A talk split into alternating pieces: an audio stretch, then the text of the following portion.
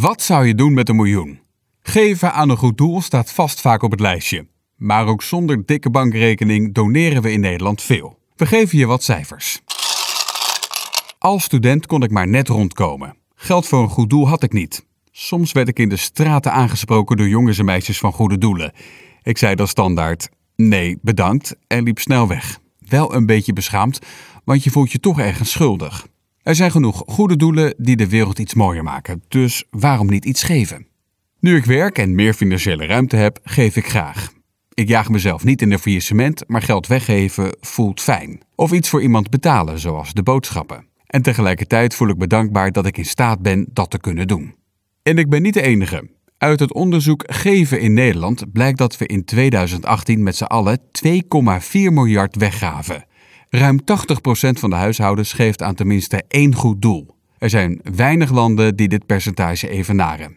Dus we zijn goed bezig. Je zou denken, mensen die veel hebben, die geven meer. Maar dat is niet zo. Het schijnt dat de Happy Few, superrijken in Nederland, relatief weinig doneren. Onderzoek toont aan dat de Nederlandse miljonairs zo'n 8000 euro per jaar aan goede doelen geven. Dat lijkt veel geld, maar zet je het af tegen het totale inkomen of vermogen, dan is het een klein percentage. Goede doelen in Nederland bevestigen dat. Ze zijn meer afhankelijk van de grote groep gemiddelde donateurs dan van de rijken.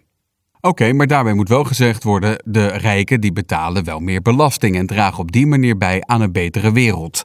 Ervan uitgaande dat dat geld dan goed besteed wordt. En misschien organiseren ze hun giften anders, waardoor ze minder makkelijk dan bij kleinere gevers te achterhalen zijn. Dat zou natuurlijk kunnen.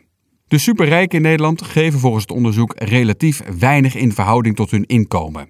Het kan dus wel om grote bedragen gaan, maar ze voelen het nauwelijks in de portemonnee. Zo blijkt dat de 10% laagste inkomens ongeveer 2,5 keer meer van hun inkomen doneren dan de 10% hoogste inkomens. Lage inkomens geven 1,16% van hun inkomen aan goede doelen. Bij de rijken ligt het percentage op 0,44% en dat is dus eigenlijk best wel een groot verschil.